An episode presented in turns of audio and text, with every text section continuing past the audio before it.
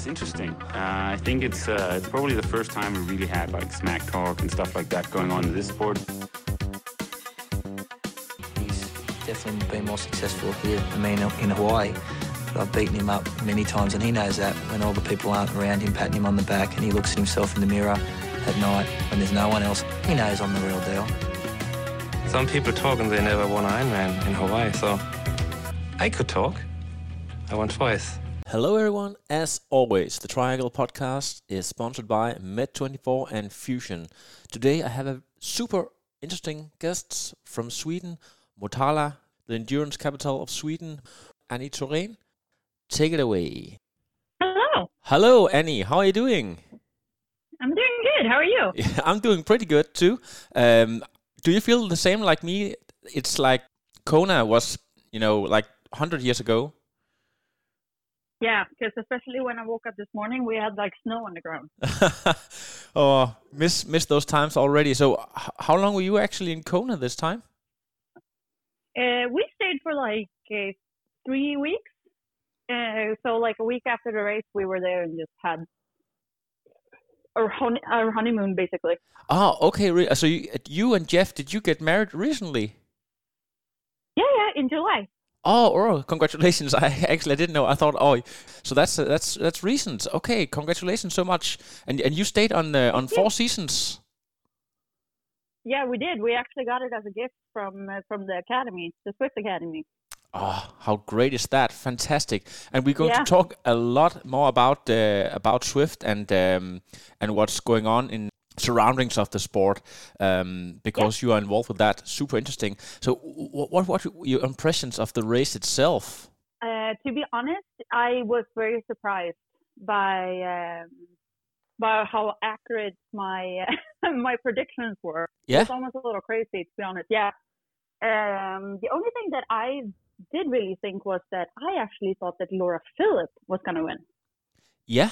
And, and uh, because you know her training really well, or or, or, or, or, why she had the fa- fastest bike splits, as far as I recall. No, but that is uh, just like the fact that purely based on her performance in Barcelona last year. Yeah, I think she That did some crazy like- time. What what was the time there? I, I think it was like um, I think it's like the second time ever in history, Yeah. or something like that. It was like completely crazy, and it was it was her first Ironman, and I was like, she's gonna win Kona. Yeah, and Like, she's she's been she- dominating seventy point three as well, right? Yeah, but she's been injured. That's the only thing that's been her problem. I think she's like she's been injured for a long time. Yeah. And um, is it So- true that her husband is now actually also the coach of of uh, Sebastian Kienle? He's like uh, the new go-to coach for some of these pro athletes. Yeah, yeah, yeah. I did. I didn't understand that they were actually married. Uh, no, me. He, he looks like a young boy, Yeah. but he's actually uh, Yeah, the new guru. uh, he's uh, he seems to be very very popular. I saw that he was coaching someone else, and I was like, oh shit! It was um, Sebastian Kienle, and there's one more that is uh, really really impressive. Yeah, athlete. super results, and he, he uh, of course, you can't tell how, how old people are, but I th- think he looks like uh, early thirties or something like that. As, as a holy holy shit, he's really uh, he's really built a name for himself pretty quickly there. Yeah, yeah, really. But yeah, but but Frans uh, Loske, sorry, the guy who's uh, the I'm I'm like slaughtering his last name. Frans Loske. oh yeah yeah okay with, with the Yeah. Swedish pronoun- pronunciation. Yeah, I know it's not good. Oh, no, I- but I- he's also really good. yeah incredible how um, how the sport in, uh, how the sport involves um, talk about you you talked about the predictions ha- have you predicted that uh, Ryf was not going to win her uh, fifth title Uh, yeah, I didn't. Actually, I did. I'm gonna see if I can try to find that. You know, all these Insta stories get saved on your phone. Um, but what was funny was the fact that I said that uh, Patrick Lange was not gonna finish. That's what I thought was extremely funny. Uh, I predicted on the morning, the start of the start, that I was like, I don't think he's gonna finish. and, and and and why did you get that vibe I don't know. It just felt like um, it felt a little too good to be true that he was gonna win the third year, and I just like this sometimes you forget that these people are human too, and I think like the pressure can really. I should say that the pressure to be better all the time is what kind of messes these people up. Like Yeah. they're the the real like they're the ones who keep winning, keep winning, keep winning. Exactly. There, he was probably the, probably the best triathlete there on that day, but he just didn't have the the mind for it because it's just it gets too tough. And I um, I think it's uh, it's not talked about uh, that much. It's getting there, but we're not fully there yet. Like how much you can can do, and if you just get mental coaching, uh, it's almost as important as having like a training coach. Exactly. I Uh, feel anyway. Yeah, yeah, you could really feel the pressure, and also I bumped into him, and he was really like um, he re- really didn't want to uh, do any kind of interviews. He was like he was uh, under a, a lot of pressure. You can almost feel that. Ha- have you uh, you have been uh, talking to a lot of pros during this uh, Kona week? So did did you did you he- hear any um, talk in the corners about uh, the other pro men want to take him out. I really feel that he was uh, under heavy fire almost all the week. Also um, in the press conference after the race. I just don't know. Like I think I think there's always people that want to uh how do you say it like focus on certain people. Yeah. And I can feel for for example like people uh, people want to beat Daniela, Yeah. but it's not as important as trying to beat Rini, for example. Oh, I see what you mean. Because some some Yeah, people are like- more like to have a, a higher status in the sport. You can say. Yeah, yeah, exactly. And that's Oh. why I just think it's uh, I don't think it's really a status kind of thing with Lange because I feel like maybe he's not it's hard to say it because I'm not one of those people, but he doesn't really have a name yet. Like, of course, he has won the uh, the Ironman World Championship two times, and that's huge. But if I ask some random triathlete in Sweden, for example, if they know who Patrick Lange is versus if they know who Jan Frodeno is, everybody knows who Frodeno is. But Ah, I don't can think he really. Yeah, I I don't know. Maybe it's about charisma. I don't. It's hard to say. It's super interesting, actually. Do you think it works a bit like uh, the? Have you seen the Godfather movies? Like you have uh, uh, intouchables, people who are sort of are out of reach, people you can't touch, and people who are on their way up, and they are easy targets. If you know, if you if you get my picture here, Yeah, yeah, yeah, for sure. Yeah, yeah, maybe. that's super. But I heard something that was like super. Yeah, but I heard something that really like opened my mind a little bit. Was uh, I'm not gonna mention who I talked to, but I talked to a German triathlete, and I asked like just flat out in Germany, which triathlete do you like in the common sense, like which one do you like the most? Because like they have so many that are just like high performance, high profile. And I mean, for example, Patrick Lange, uh, Jan Frodeno, Sebastian Kienle. It's three people that can win Kona. But who do you like the most as a person? And he, now you know it's a he, he just said it in a really good way is the fact that uh, Patrick Lange is too harsh and Jan Frodeno is too perfect. So the pe- the person that people like the most in Germany, the triathlon community, is Kienle, and that really surprised me, to be honest. Oh, I can see. I- Yeah, yeah, yeah. That Yeah. that makes sense. That makes sense. So, so when you say too too harsh, w- w- what do you mean by that exactly? From what I understood, he's very. Um, uh, in Sweden, we call it that you're very straightforward, like you're almost a little too honest. Oh, okay. And yeah, like it's um I don't know. I just did you see um some of the pre-race when he I don't know, maybe it's just the fact that he's always been like from day one he's had his own hashtag, be the record breaker, and I don't know. Exactly Maybe like that. Yeah, yeah, yeah. Actually, also, I think his his coach um, Faris Al Sultan is also known to be super straightforward. So maybe that, that's just the way they operate. Um, but but I can I can follow you all the way. I think it's I think uh, you got a point there. And uh, and and you mentioned uh, Kienle. I I follow you uh, all the way. It's it's like he's uh, maybe one of the most what do you call it well respected athletes out there. Even though he. Uh, he hasn't won Kona for five or six years. People are still uh, cheering for him. Mm-hmm. Yeah. Yeah. That's super interesting. And I, yeah, I have a lot of pro triathlete friends, and as soon as you start t- talking about like if you want to buy something new or if you want the new Zipp wheels or anything, and it's just a lot of people say like, well, Kienle has it, so I'm sure it's good. Like, so you know that you can buy something because people just genuinely believes in what he is doing. Yeah. And I think if you have that reputation, you've really done something good for yourself. Even though, like you said, he hasn't won Kona in five years, but yeah, it's just you know that he doesn't take chances with his equipment. Yeah. You know he's doing, he's putting in the hours, and he's he's taking it very seriously. But what I like the most about him is that he actually seems to have fun most of the time, Exactly. and not a lot of pro pros do, to be honest. you and the Thorén family. It's like uh, in in in Sweden, uh, you you grew up in this family where both of your parents were multiple national champions, and um, also uh, your father has worked for uh, the Swedish Federation. So, what was it like for you growing up um, in this uh, die-hard triathlon family? Yeah, it's uh, um, as many people sure understand. I haven't had that much opportunity to do much else. I um, I luckily I like the sport, and I genuinely do like it. I um, I did actually start with swimming when I was a kid, and I swam.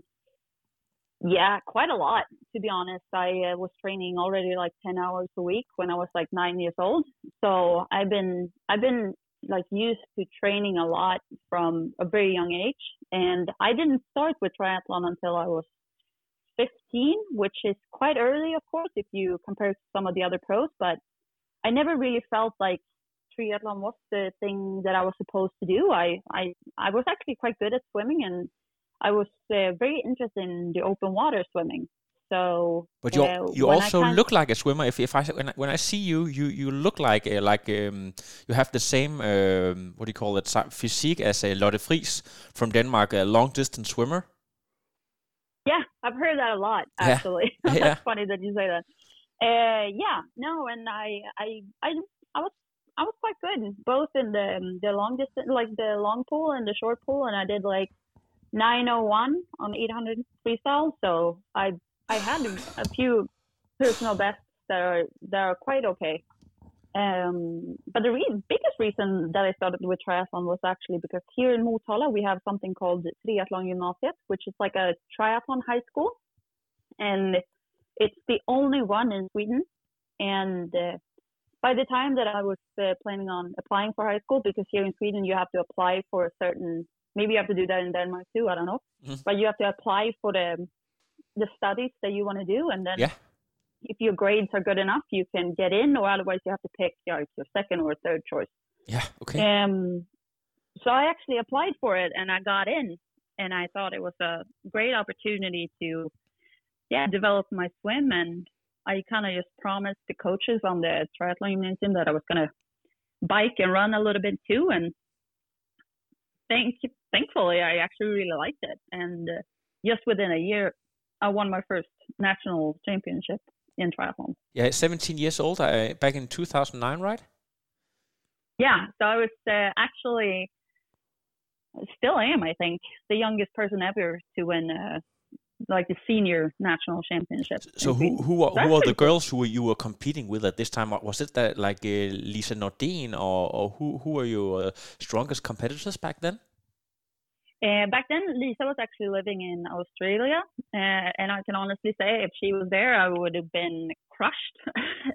she wasn't there, but uh, there was a lot of other girls, and uh, one Danish girl actually that was out competing with us here in Sweden, Line Tam.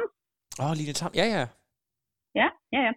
So it's um, we had a pretty good, uh, like in the early 2010s uh, years, for like about 10, 9, 10 years ago, the Swedish triathlon was actually really strong.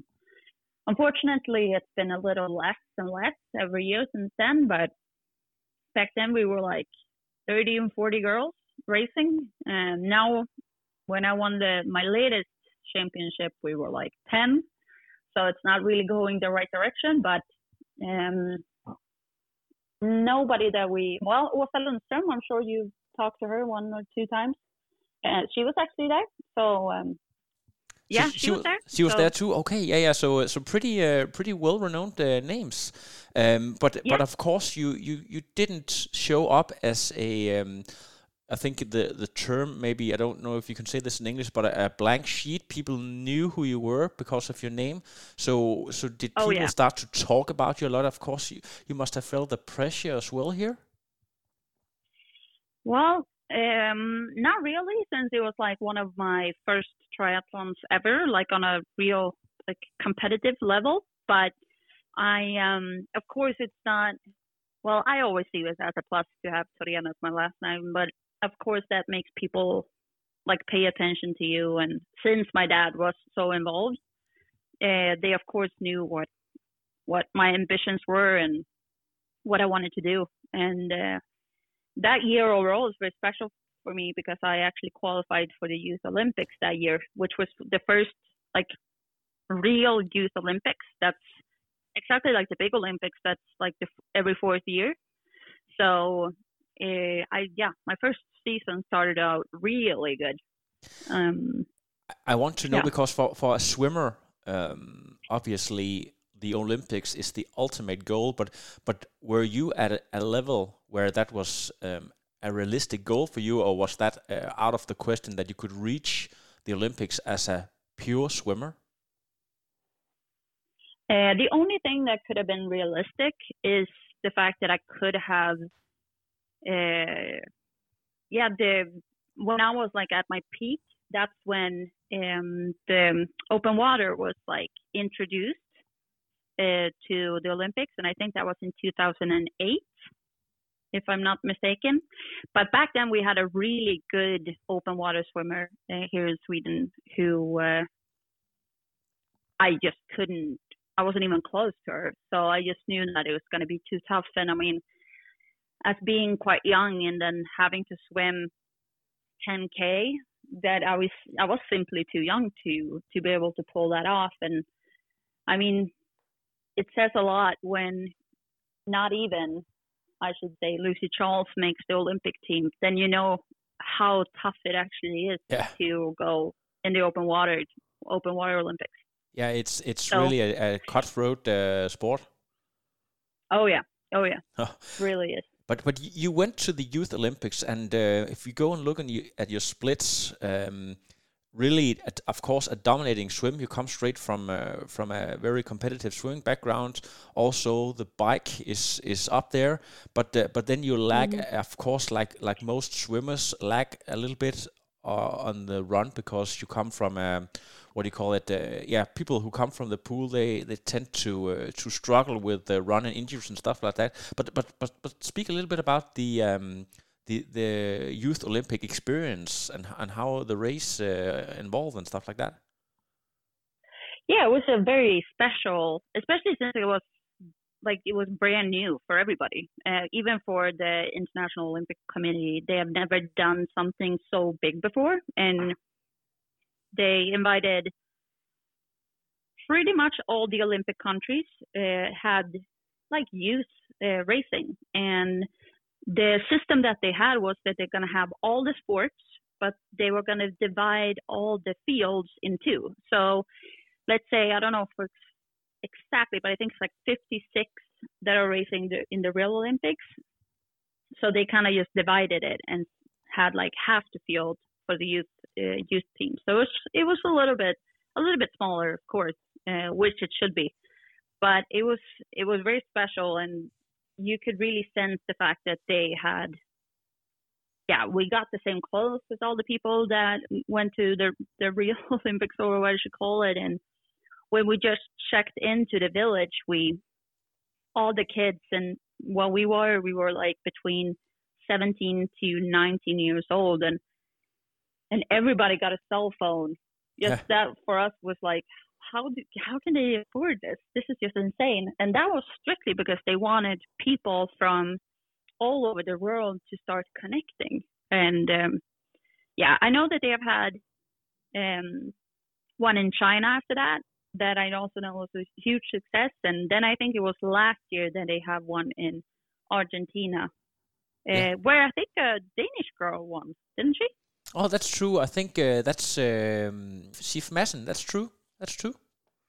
yeah and she's uh i can honestly say that the the girls that won uh the youth olympics when i raced um are still one of the absolute best uh, triathletes in the field it's uh, yuka sato um she was also uh, on i think she was like second out of the water uh, she's like winning world cups on the itu right now and uh, on the field is actually Ellie Salthouse, Oh, who has yeah. won Ironman Dubai and Ironman 70.3. So she's mostly racing 70.3, but she was also in, was she in just uh, Peru or something just last week and won? So she's, um, a lot of the girls have kept kept racing, and I still keep in contact with a lot of girls that I met there. So it's um, that's it's really really cool. Amazing, amazing uh, experience. But th- but that must must that must have um, given you some ambitions to to really give this triathlon a serious go. So I can I can see that uh, in in those years from 2009 to 11, in the, these two years, you win like four national titles on the sprint and Olympic distance. But then you start to move to a bit longer distances. So so uh, why did you choose to switch to longer distance in the in the yeah in the end? And basically because I was that was always my goal. Uh, when I started, since I came from a long distance swimmer background, I knew that I think that the longer distance is going to suit me better. And I felt like that I was always doing better at the triathlon races, like in the end of the Olympic distance. And I almost, every time that I finished a sprint distance, it felt like I could I just got my speed up when when it was the time to finish, and it just I always felt like it was a little frustrating because I felt like I couldn't.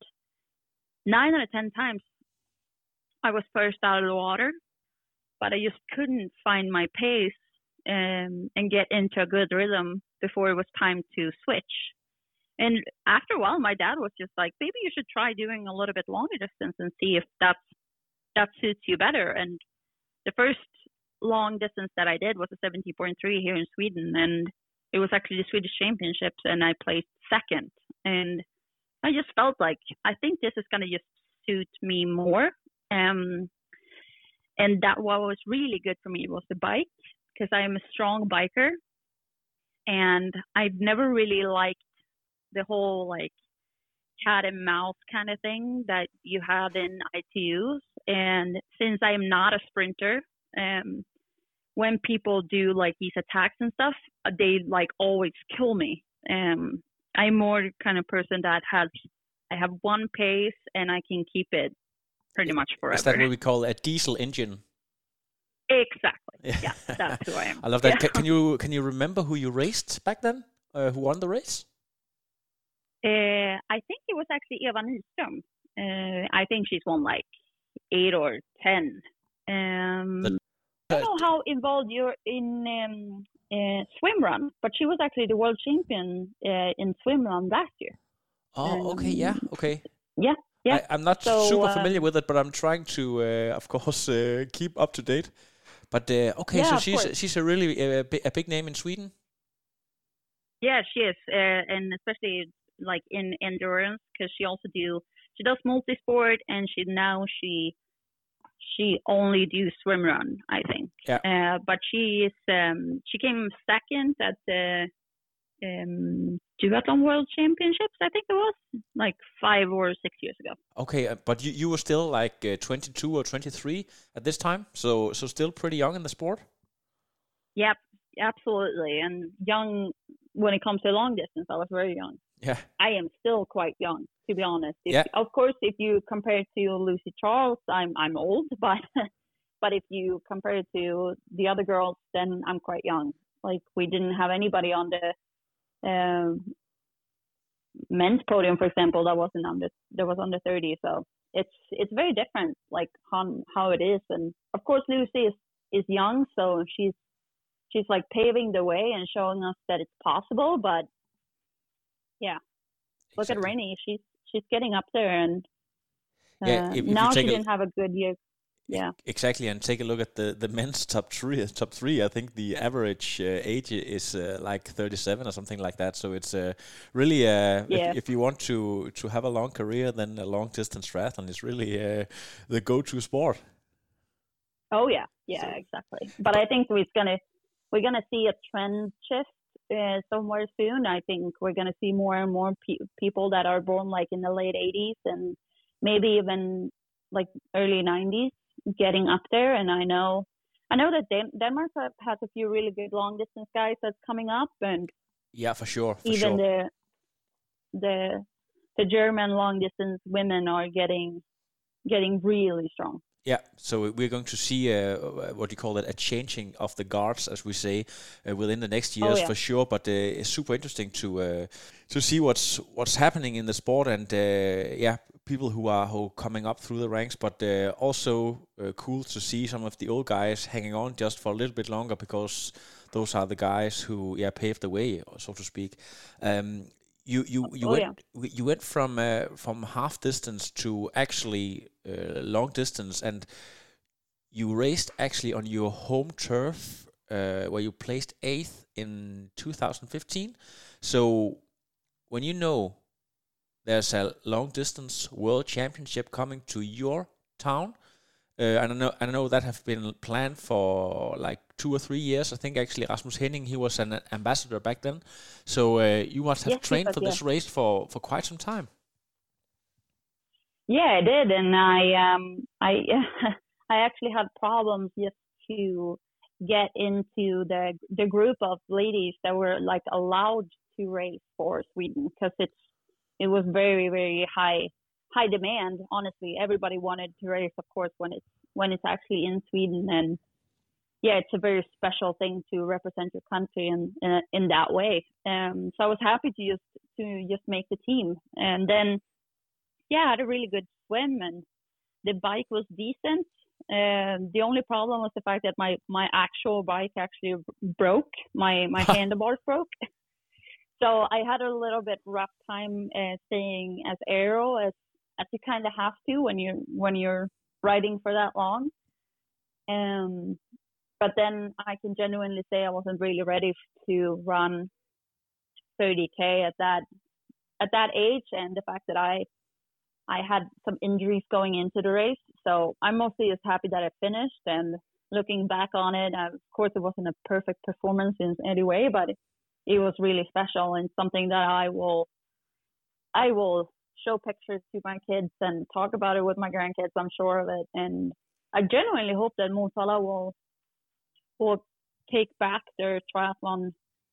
Um, their vibe and just the race overall because we're we're a little bit like a triathlon mecca here in Sweden, and I just really hope that it's to keep that alive a little bit because Yeah. it's um it's been fading a lot, and I just Yeah, for su- for sure. Um, uh, uh, actually, I I raced uh, that year, and uh, I remember they cut down the swim because it was so cold. But actually, on the race Yeah. day itself, it got super super hot, like it was freezing. We were talking about maybe we should have newspapers on the on the stomach to keep warm. But then all of a sudden, it, it like it really uh, went from. Cold spring to uh, to hot summer in uh, in an instant. so Oh, yeah. people they got sunburned and uh, and, and and and as a uh, long distance swimmer, of course, it couldn't have been to your advantage that they they cut down the swim to I think it was only uh, a third of the actual distance or something like that. yeah yeah yeah they cut it down to 1500 meters. No, that was not that was not great for me. Luckily, I was first out of the water anyway, Yeah. so that that was always But you could I you could have built a, a, lead there for sure. Oh yeah, Yeah. yeah, yeah, yeah, for sure.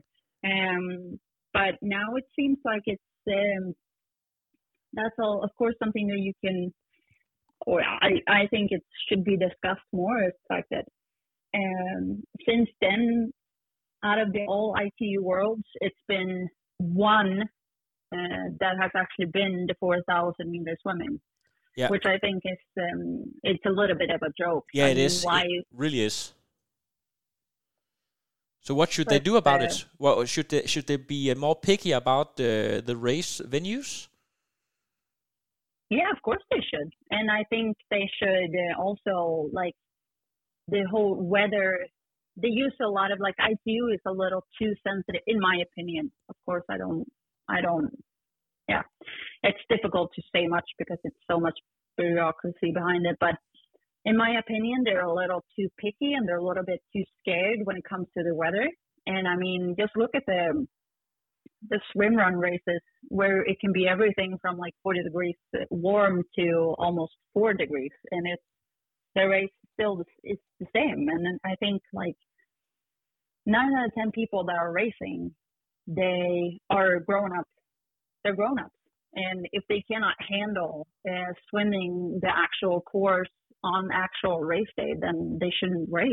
And sometimes, no, I just genuinely think that, and it's just to uh, always change the the race courses and I don't know. It feels like every other weekend now you see that uh, even an Ironman has canceled the swim because of bad water quality and and so on and so forth. But to me, it's just I don't understand how that can be just recently known that is whether it, that it's bad water condition or it's too cold. I mean, of course, people shouldn't get sick, like like physically sick. But if people get cold, I mean, I'm pretty sure that they will live. so it's I just think yeah, maybe better race venues, maybe keep it like just like Kona, keep it in a in a place that people can go and they know what they get. But I I just um it kind of makes me not want to do the ITU because it you never really know what you get when you go to long distance race because it can be everything from no swimming at all until 4,000 meter swimming. It has been a little bit of a problem, and I also know that actually that year, uh, Danish uh, now retired professional Martin Jensen, he really felt cheated of the gold because he was, yeah, he in in the end he only needed like I think it was a little bit more than a minute, which he which he could easily have won had the race uh, had the swim been four kilometers instead of only the fifteen hundred meters. So uh, yeah, in the end, you have a lot at stake here. Yeah, yeah. Oh, yeah. Yeah, for sure. And it's, um, I don't know how it became in Denmark, if it was, but I think they like, they even started with saying it's going to be 3,000 meter swimming instead of four. Why? Yeah, yeah, yeah. Why why they are in why they are switching from the the classic Nice distance to a double Yeah. Olympic? Is that what you mean? Yeah, exactly. Like why? It's like if Kona and the the the like the organization behind it would be like, no, we don't want to swim all the way out to the boat. I think you can like turn around by the hotel, Yeah, and they cannot give you a reason why. They Yeah. just want to do it differently. Like, no, then it's just like then keep just keep it in neat. And yeah, yeah. tr- try to stay it in the same place like they did a few years ago, like back in the early 2000s when Yeah. it was there for several years.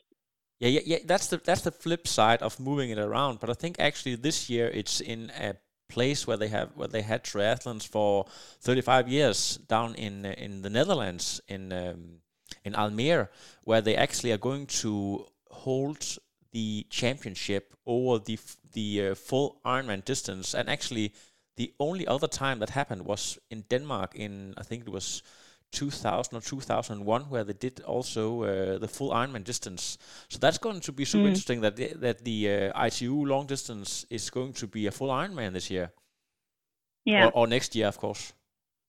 yeah, yeah, exactly. So Yeah, that I mean that that is fine. Uh, but then uh, I also know the discussions between the two the two organizations is that they will never be uh, like allowed to say that it's an Ironman distance because uh, Ironman won't like that. no, So, so they will have to call it long distance overall, and if you're just gonna have to explain to everybody that it's uh, it is an Ironman distance, but you're not allowed to call it an Ironman. Yeah, that's that's that's um, the old discussion.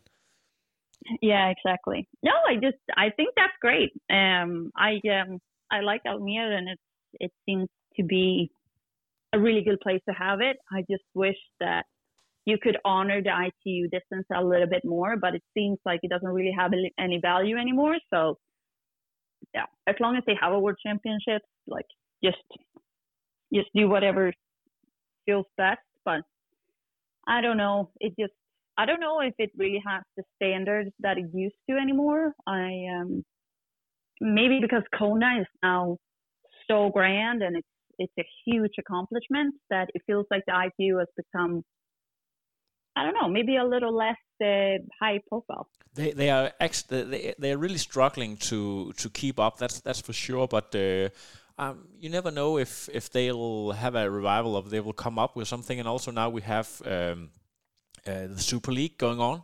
So there's uh, there's mm-hmm. a lot of competition, but uh, in the end, if we get more races, I think uh, the athletes will come out as, as winners. But uh, it's a it's a it's an interesting uh, discussion. I want when we talk about the long distance, we have to talk about your race in um, in 2016. I think was that in that was somewhere in Oklahoma, yeah.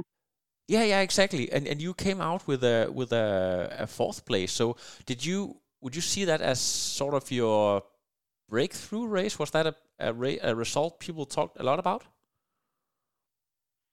Uh, I don't know if people talked about it. Uh, I highly doubt it because I don't think I'm a well-known name by any means. But no, of course, it was a breakthrough race for my on my, on my end, and it was uh, something that I will uh, cherish for a long, long time. And I, I didn't have the race of my life, but I genuinely had my my performance, like my my best. Uh, yeah, coming forth. It's I've never been even close to something like that before. Um, and Oklahoma overall was a brutal race. It was uh, so hot, and we had pro men and pro women actually DNFing at the swim on the actual swim course because it was so rough water. Oh, so really? Yeah. So it's um yeah, well, it's gonna go to the history books as one of the one of the toughest ones for sure. And also, uh, I could see the the winner, Jodie Swallow. I think she also comes from a competitive swimmer's background, so uh, it means like uh, you and her are some of the girls who had uh, a bit of an advantage there. Oh yeah, yeah, for sure. Um, then it was a tough bike course. Like for the people who's, who's been in Oklahoma, they know that it's very flat and quite windy all the time. And we actually had a warning out in the morning is the fact that they were going to come in a tornado overnight. Um, so it was very because it was in the middle of the hurricane season, season so it's very very special. Um, yeah, so it was a tough tough course overall and extremely humid. Um, but yeah, Jodie was I honestly she was in a class for for herself, and then Caroline Steffen maybe didn't have the bike of her life, but ran really good. And then I came in third at second in T2, but I was third quite quite fast after T2, and I actually got passed when it was only like 4k to go uh, by Rachel McBride. So that was a tough tough day in, in that sense, losing the third place. Um, that close to the finish. But yeah, still very very happy with fourth place.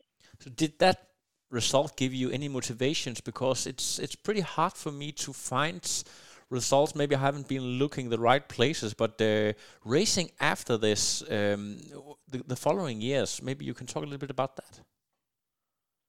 And uh, no, the I've honestly I've had uh, really good years after it. Um, maybe not counting yeah, maybe not counting this year because this year has been a disaster and I haven't raced at all.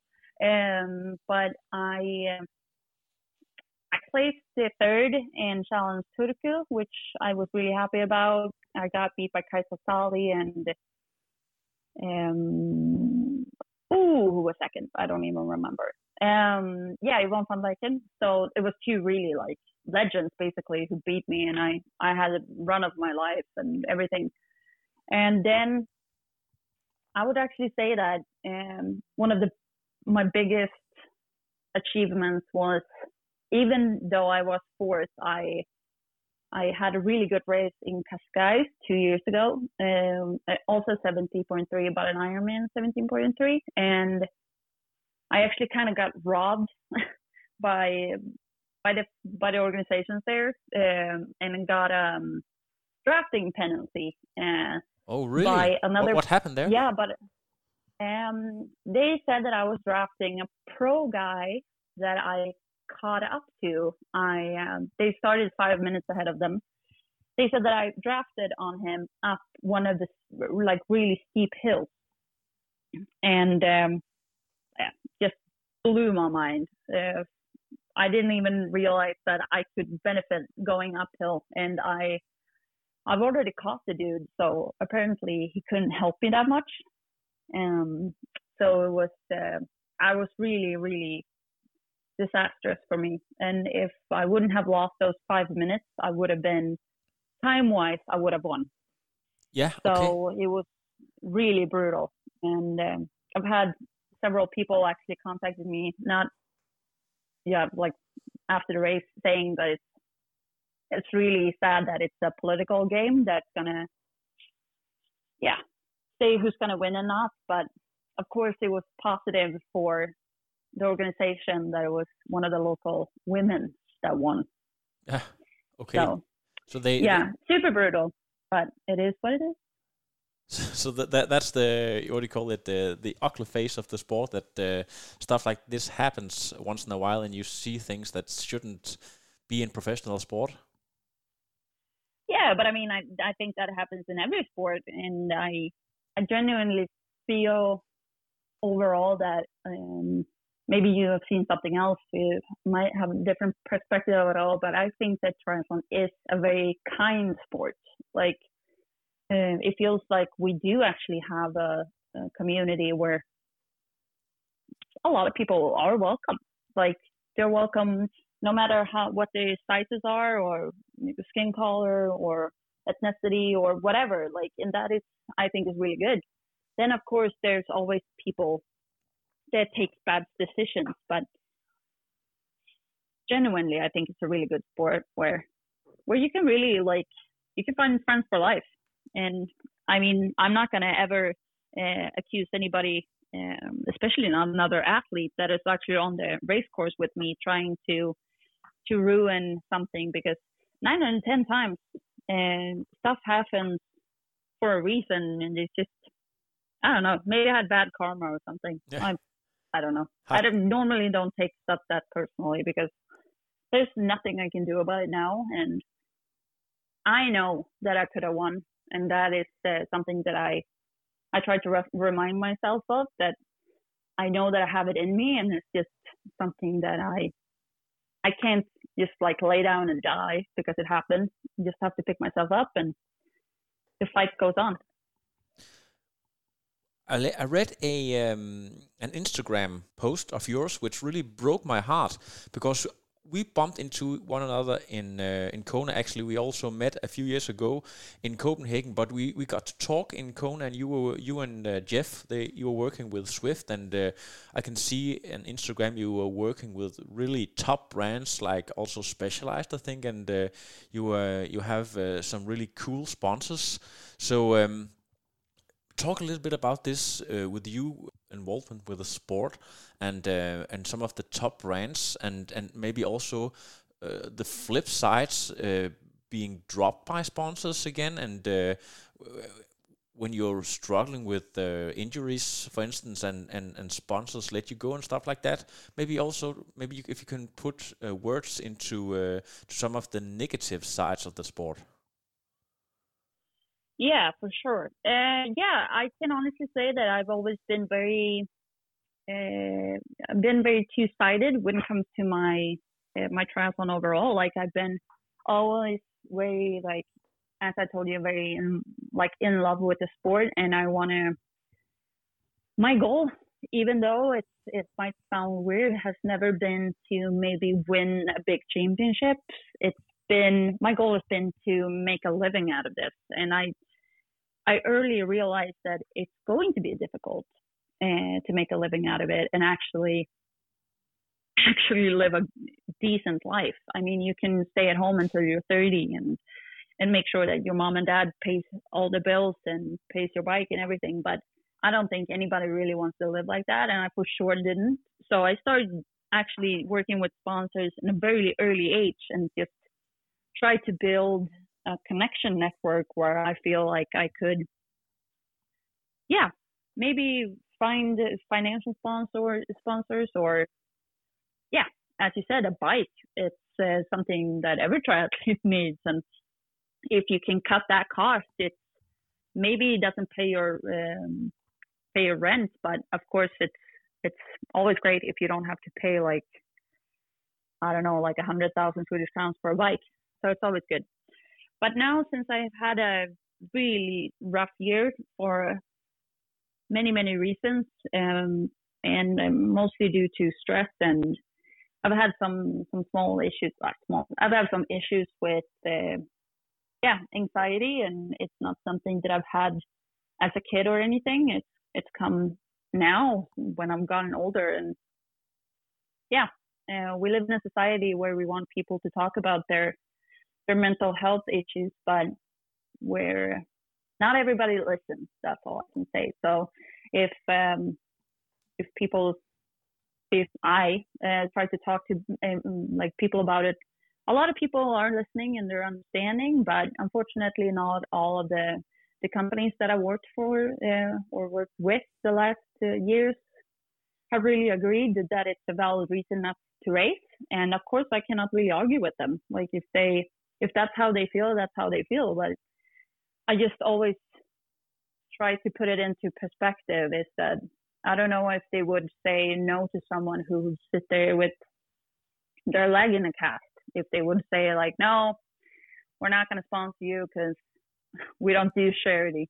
Mm-hmm. Um, so, so what? Uh, how, how, how does that make you feel? Because that's really, uh, uh, what do you call it? Of course, they are entitled to do that. But uh, for instance, uh, I heard the Zwift podcast with uh, Sarah True, where she talks really open, opened about her struggle with mental issues and depression, which is a thing a lot of athletes, uh, a lot of pro and elite athletes struggle with. So if you have an athlete uh, who you have a professional relationship with, shouldn't you be be open about it? Shouldn't you be be yeah? Isn't that a bad thing to do just to to drop you when you have an athlete who are going through rough times? I would never say anything in the similar manner that of the stuff that I've heard. Like I would never say that to anybody, uh, even if it's uh, if if they would be in a cast or like if something would have happened, because I think that you never really know what kind of baggage a person have. Uh, but Sarah, for example, which is a, a great role model, and I admire her very much for it, and she is she's always been a huge inspiration for me because she's always been a little like goofy and I think that's exactly what triathlon needs. But what I feel is that if people uh, like Sarah and like me have been honest and been open with their mental uh, struggles, then maybe it's not the right thing to actually kick someone when they've already admitted that or that they are a little bit down. Um, but yeah, this is a huge backside uh, of triathlon overall because not only am I struggling to get back on track and do my comeback that I'm dreaming uh, dreaming of every day, I now also have a huge financial stress that um, that I right now today I don't know how to really figure out because what most of us have done as professional athletes is the fact that we have put everything on triathlon. It's like when you go to uh, casino and you put everything on red and it's basically what we have done which means that i'm sitting here at 27 years old and no i don't have a paycheck and no i don't have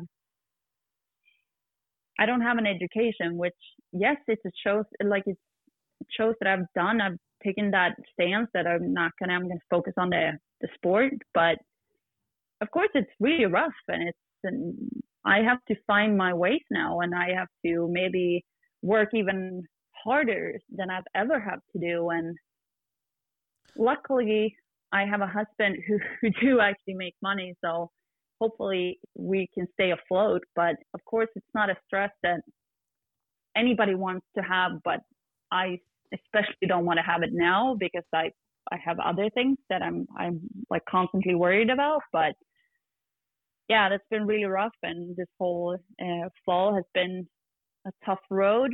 Um, but I've just decided that I'm not gonna let this like break me completely, and I just have to move on. And yeah, I don't know. I've um, I have a few ideas, and I just think that I need to have a little faith.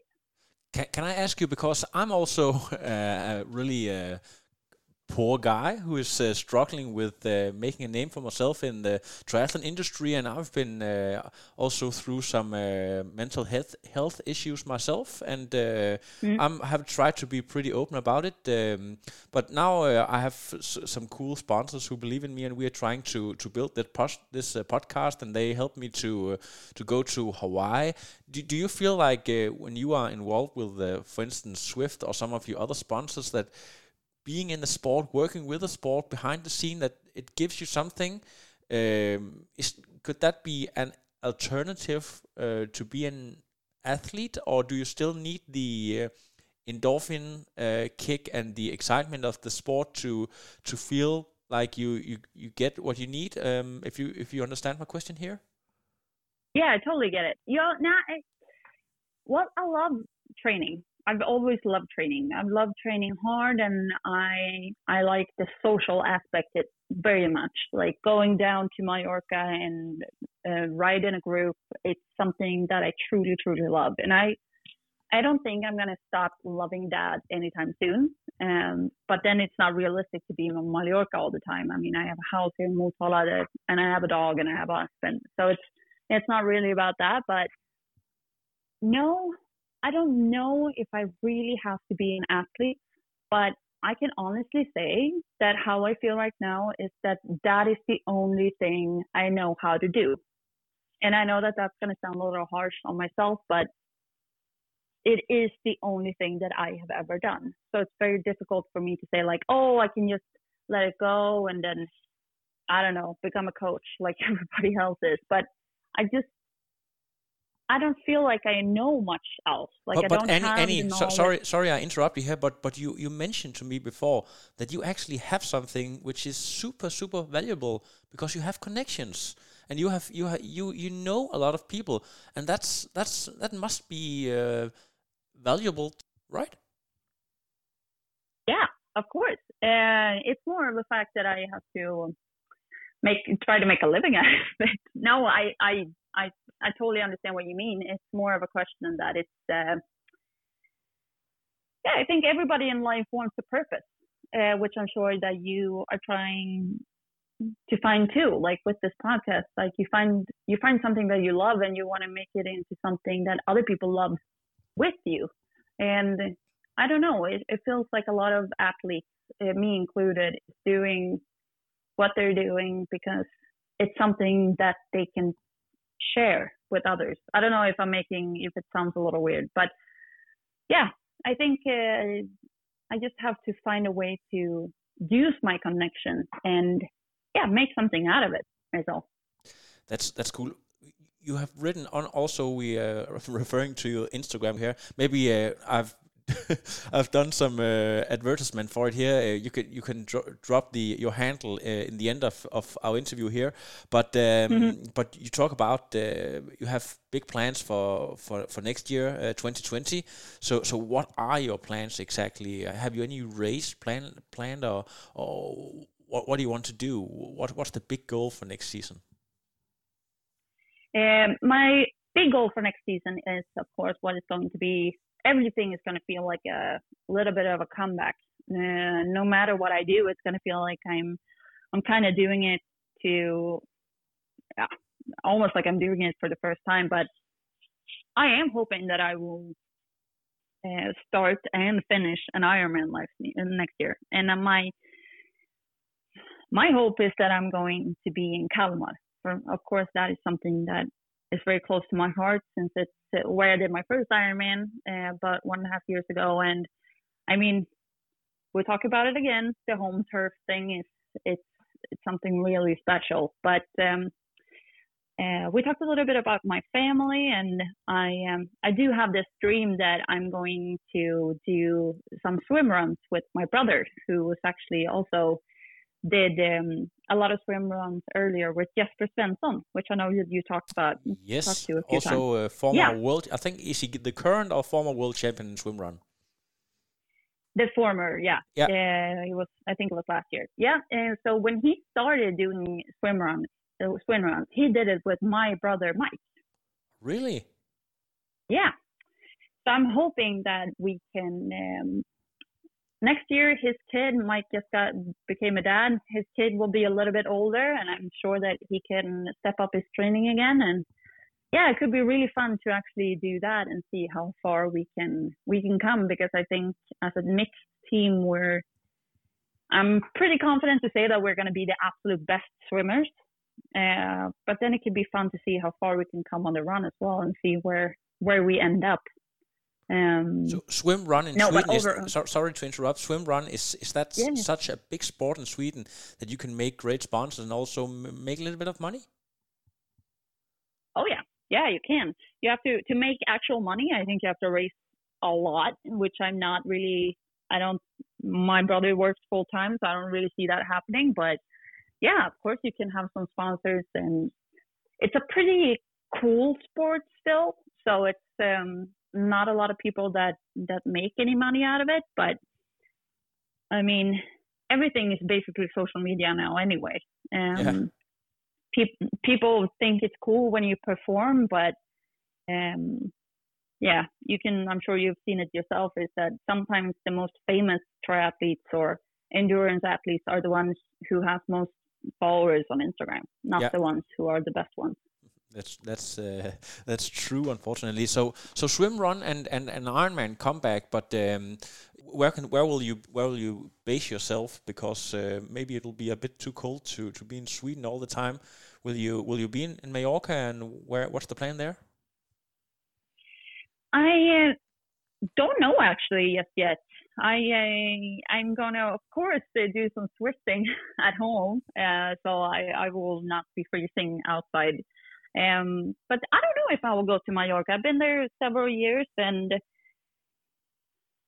maybe it's time to see something new. I've heard a lot of people now starting to go to Italy, and yeah, we'll see a little bit where my training friends uh, are going, and I am I'm one of those athletes that are actually really good at doing what other people are doing. I'm quite flexible, so I'm mostly just gonna see if I if I can uh, tag along somewhere and see where that takes me.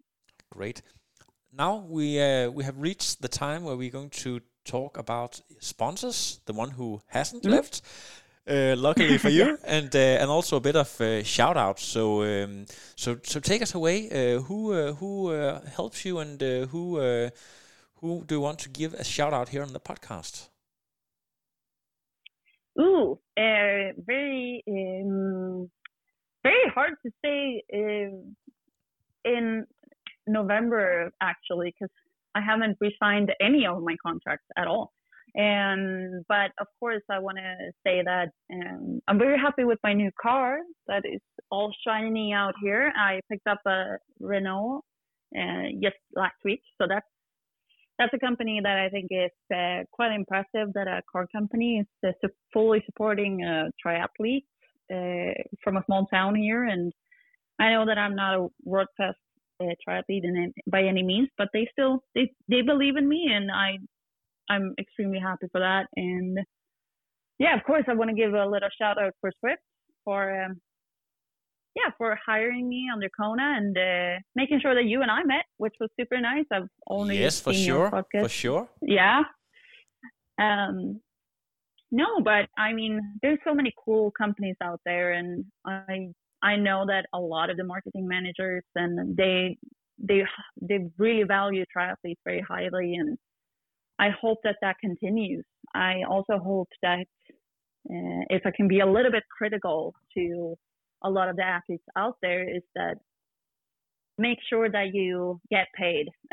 That is something that I always try to tell my friends or people that come to me and ask about questions about sponsorings and stuff is that getting one or two pair of shoes every year, that's not sponsoring. You should you should know you your own value as, as an athlete. Is is that what you're saying? Oh yeah, yeah, yeah, yeah, Yeah. for sure. Um, especially when it's um, it's a little. I usually say that it's a little uh, unfair to everybody else if you accept shitty deals, because if one person accepts shitty deals, then the companies are going to expect that from everyone, and that gives it a very bad starting point for a lot of people that are really trying to make a living out of this.